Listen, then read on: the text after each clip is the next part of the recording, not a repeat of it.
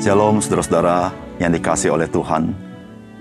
Kita bersyukur mempunyai Tuhan yang setia kepada firman-Nya, setia kepada janjinya. Dan Tuhan ingin kita sebagai orang-orang percaya juga setia kepadanya. Salam jumpa dalam program Tuhan adalah Gembalaku. Kita sebagai orang percaya adalah orang-orang yang telah ditebus oleh darah Yesus Kristus. Dan penebusan di dalam Yesus Kristus adalah kasih karunia Allah, di mana Allah dengan inisiatif sendiri membuat perjanjian yang kekal di dalam darah Yesus Kristus. Kita yang telah ditebus oleh darahnya itu. Bagaimanakah kita menghidupi kehidupan kita? Tuhan yang membuat perjanjian yang kekal melalui anaknya Yesus Kristus dengan kita adalah Tuhan yang setia kepada perjanjiannya. Saya tahu Tuhan pun ingin kita setia kepada firman Tuhan di dalam kehidupan kita sebagai orang-orang yang telah ditebus olehnya. Saudara, mari kita membaca firman Tuhan dari Keluaran pasal 24 Berfirmanlah ia kepada Musa, Naiklah menghadap Tuhan, engkau dan Harun, Nadab dan Abihu, dan tujuh puluh orang dari para tua-tua Israel, dan sujudlah kamu menyembah dari jauh. Hanya Musa sendirilah yang mendekat kepada Tuhan, tetapi mereka itu tidak boleh mendekat, dan bangsa itu tidak boleh naik bersama-sama dengan dia. Lalu datanglah Musa dan memberitahukan kepada bangsa itu segala firman Tuhan, dan segala peraturan itu. Maka seluruh bangsa itu menjawab serentak, segala firman yang telah diucapkan Tuhan itu akan kami lakukan. Lalu Musa menuliskan segala firman Tuhan itu. Keesokan harinya pagi-pagi didirikannya lah mesbah di kaki gunung itu. Dengan dua belas tugu sesuai dengan kedua belas suku Israel. Kemudian disuruhnyalah orang-orang muda dari bangsa Israel. Maka mereka mempersembahkan korban bakaran. Dan menyembelih lembu-lembu jantan sebagai korban keselamatan kepada Tuhan. Sesudah itu Musa mengambil sebagian dari darah itu, lalu ditaruhnya ke dalam pasu. Sebagian lagi dari darah itu disiramkannya pada mesbah itu. Diambilnyalah kitab perjanjian itu, lalu dibacakannya dengan didengar oleh bangsa itu, dan mereka berkata, Segala firman Tuhan akan kami lakukan, dan akan kami dengarkan. Kemudian Musa mengambil darah itu, dan menyiramkannya pada bangsa itu serta berkata, Inilah darah perjanjian yang diadakan Tuhan dengan kamu, berdasarkan segala firman ini. Dan naiklah Musa dengan Harun, Nadab, dan Abihu, dan tujuh puluh orang dari para tua-tua Israel. Lalu mereka melihat Allah Israel, kakinya berjejak pada sesuatu yang buatannya seperti lantai dari batu nilam, dan yang terangnya seperti langit yang cerah. Tetapi kepada pemuka-pemuka orang Israel itu tidaklah diulurkannya tangannya. Mereka memandang Allah, lalu makan dan minum. Tuhan berfirman kepada Musa, Naiklah menghadap aku ke atas gunung, dan tinggallah di sana. Maka aku akan memberikan kepadamu loh batu, yakni hukum dan perintah yang telah kutuliskan untuk diajarkan kepada mereka. Lalu bangunlah Musa dengan Yosua, abdinya. Maka naiklah Musa ke atas gunung Allah itu. Tetapi kepada para tua-tua itu ia berkata, Tinggallah di sini menunggu kami, sampai kami kembali lagi kepadamu. Bukankah Harun dan Hur ada bersama-sama dengan kamu? Siapa yang ada perkaranya, datanglah kepada mereka. Maka Musa mendaki gunung, dan awan itu menutupinya. Kemuliaan Tuhan diam di atas gunung Sinai, dan awan itu menutupinya enam hari lamanya. Pada hari ketujuh dipanggilnya Allah Musa dari tengah-tengah awan itu. Tampaklah kemuliaan Tuhan sebagai api yang menghanguskan di puncak gunung itu pada pemandangan orang Israel. Masuklah Musa ke tengah-tengah awan itu dengan mendaki gunung itu, lalu tinggallah ia di atas gunung itu empat puluh hari dan empat puluh malam lamanya. Saudara yang dikasih oleh Tuhan, firman Tuhan yang kita baca hari ini adalah Tuhan meneguhkan kembali komitmen bangsa Israel di dalam perjanjiannya dengan Tuhan. Dan perjanjian itu dilakukan oleh Allah, diratifikasi atau disahkan dengan pencurahan darah. Saudara ini menggambarkan akan perjanjian yang kekal, perjanjian yang baru, yang dimetraikan oleh darah Yesus Kristus. Dan kita sebagai orang-orang percaya, kita telah dipercik oleh darahnya, sehingga kita mendapat bagian di dalam perjanjian kekal yang Allah buat di dalam Yesus Kristus. Saudara, apakah pesan firman Tuhan dari bagian firman Tuhan yang kita baca hari ini. Yang pertama, firman Tuhan mengajarkan kepada kita bahwa mendekat kepada Tuhan itu merupakan undangan istimewa dari anugerah Tuhan sendiri. Ini terdapat di dalam ayat 1 dan 2. Berfirmanlah ia kepada Musa, Naiklah menghadap Tuhan, engkau dan Harun, Nadab dan Abihu, dan 70 orang dari para tua-tua Israel, dan sujudlah kamu menyembah dari jauh. Hanya Musa sendirilah yang mendekat kepada Tuhan. Tetapi mereka itu tidak boleh mendekat, dan bangsa itu tidak boleh naik bersama-sama dengan dia. Dari bagian firman Tuhan ini kita tahu, kalau Tuhan tidak mengundang mereka untuk menghadap Tuhan, mereka tidak bisa menghadap Tuhan. Dan Alkitab dengan jelas sekali mengatakan bahwa ada orang-orang tertentu yang diundang Tuhan untuk menghadap dia. Namun juga Tuhan secara khusus mengkhususkan Musa boleh mendekat secara khusus kepada Tuhan. Di sini menggambarkan bahwa mendekat kepada Tuhan bukan karena jasa baik kita. Bukan semata-mata inisiatif kita. Tetapi itu adalah inisiatif Tuhan yang mengundang kita karena Tuhan berkenan kepada kita. Bahkan ketika kita baca di ayat 9 sampai 11 dikatakan, Dan naiklah Musa dengan Harun, Nadab dan Abihu dan 70 orang dari para tua-tua Israel. Lalu mereka melihat Allah Israel, kakinya berjejak pada sesuatu yang buatannya seperti lantai dari batu nilam, dan yang terangnya seperti langit yang cerah.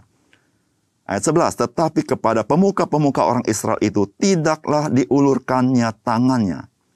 Mereka memandang Allah, lalu makan dan minum. Saudara-saudara yang kasih dalam Tuhan, mendekat kepada Tuhan suatu anugerah. Dan Alkitab mengatakan bahwa mereka melihat Tuhan.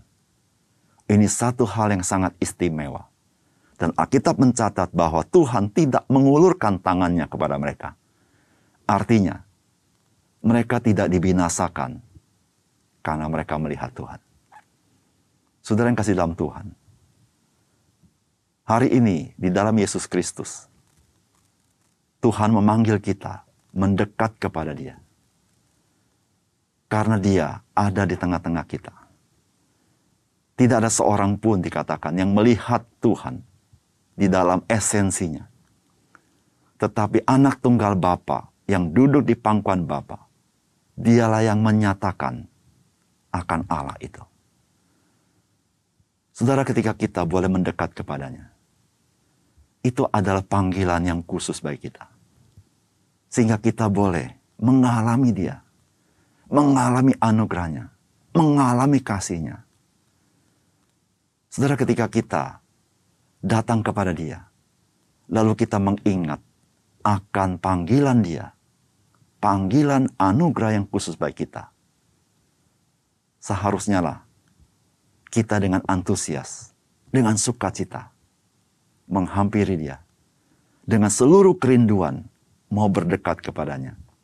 Karena tanpa undangan Tuhan, tidak seorang manusia layak dan boleh menghadap dia.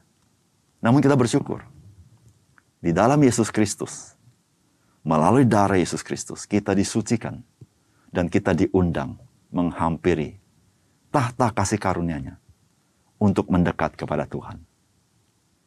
Yang kedua, saudara firman Tuhan mengajar kepada kita bahwa Tuhan menjumpai umatnya untuk menyampaikan firman-Nya. Itu terdapat di ayat 3 dan 4. Lalu datanglah Musa dan memberitahukan kepada bangsa itu segala firman Tuhan dan segala peraturan itu. Maka seluruh bangsa itu menjawab serentak, segala firman yang telah diucapkan Tuhan itu akan kami lakukan. Lalu Musa menuliskan segala firman Tuhan itu keesokan harinya, pagi-pagi didirikannya lah mesbah di kaki gunung itu, dengan 12 tugu sesuai dengan kedua belas suku Israel. Ayat 12. Tuhan berfirman kepada Musa, Naiklah menghadap aku ke atas gunung, dan tinggallah di sana. Maka aku akan memberikan kepadamu loh batu, yakni hukum dan perintah yang telah kutuliskan untuk diajarkan kepada mereka. Saudara Tuhan mengundang, mengundang Musa untuk berjumpa dengan dia. Perjumpaan Tuhan dengan Musa ada satu tujuan Tuhan, yaitu Tuhan ingin menyampaikan firman Allah. Saudara yang kasih dalam Tuhan, ketika Tuhan memanggil kita untuk berdekat kepadanya, untuk berjumpa dengan dia, maka saudara-saudara, Tuhan ingin menyampaikan sesuatu kepada kita. Yaitu Tuhan ingin menyampaikan firman-Nya kepada kita.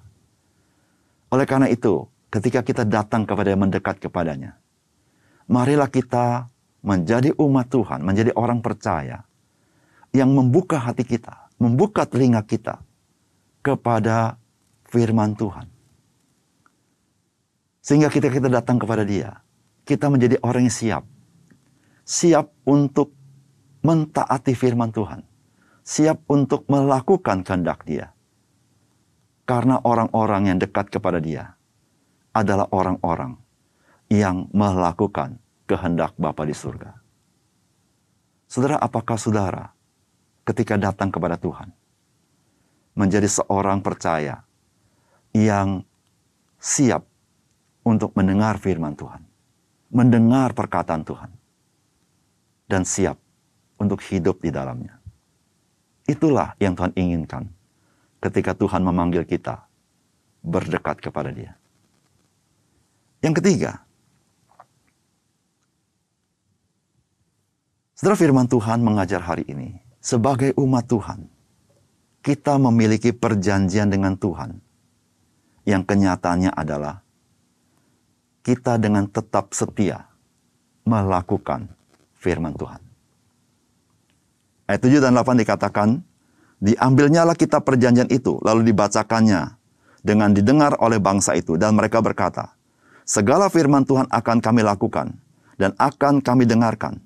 Kemudian Musa mengambil darah itu dan menyiramkannya pada bangsa itu sudah berkata, inilah darah perjanjian yang diadakan Tuhan dengan kamu berdasarkan segala firman ini. Saudara yang kasih dalam Tuhan, Tuhan mengingatkan akan perjanjiannya dengan umat Tuhan. Ketika Tuhan mengingatkan perjanjian dengan umat Tuhan, maka Tuhan ingin mengingatkan bahwa umat Tuhan adalah umat yang memiliki kerelaan untuk melakukan firman Tuhan. Melakukan firman Tuhan adalah ekspresi dari sikap yang telah menerima perjanjian dengan Tuhan. Saudara Tuhan Yesus pernah berkata di dalam Yohanes 15 ayat 14, Kamu adalah sahabatku, jikalau kamu berbuat apa yang kuperintahkan kepadamu.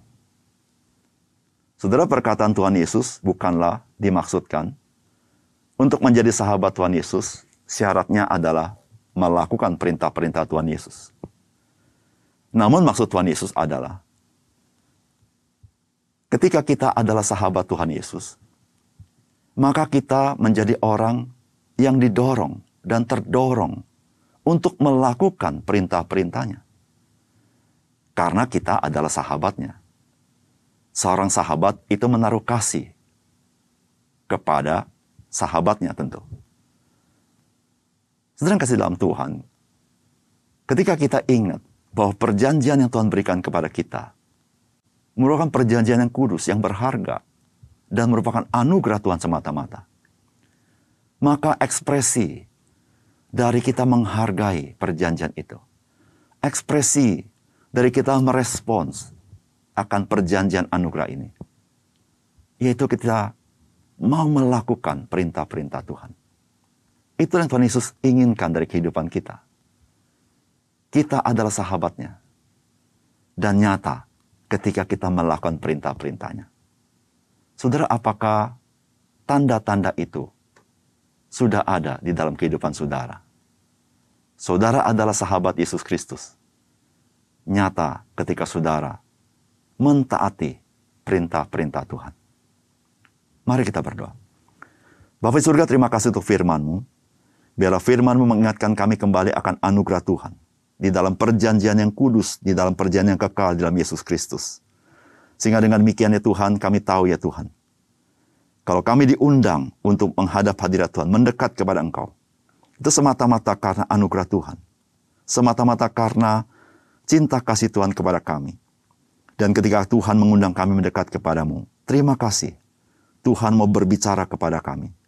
Dan Tuhan ingatkan kami, kami adalah sahabatmu, dan ekspresinya adalah kami mau melakukan perintah Tuhan karena kami mengasihi Engkau. Tuhan bantu kami sehingga kami mengingat anugerah Tuhan dan kami hidup berkenan kepadamu. Dalam nama Tuhan Yesus kami berdoa. Amin.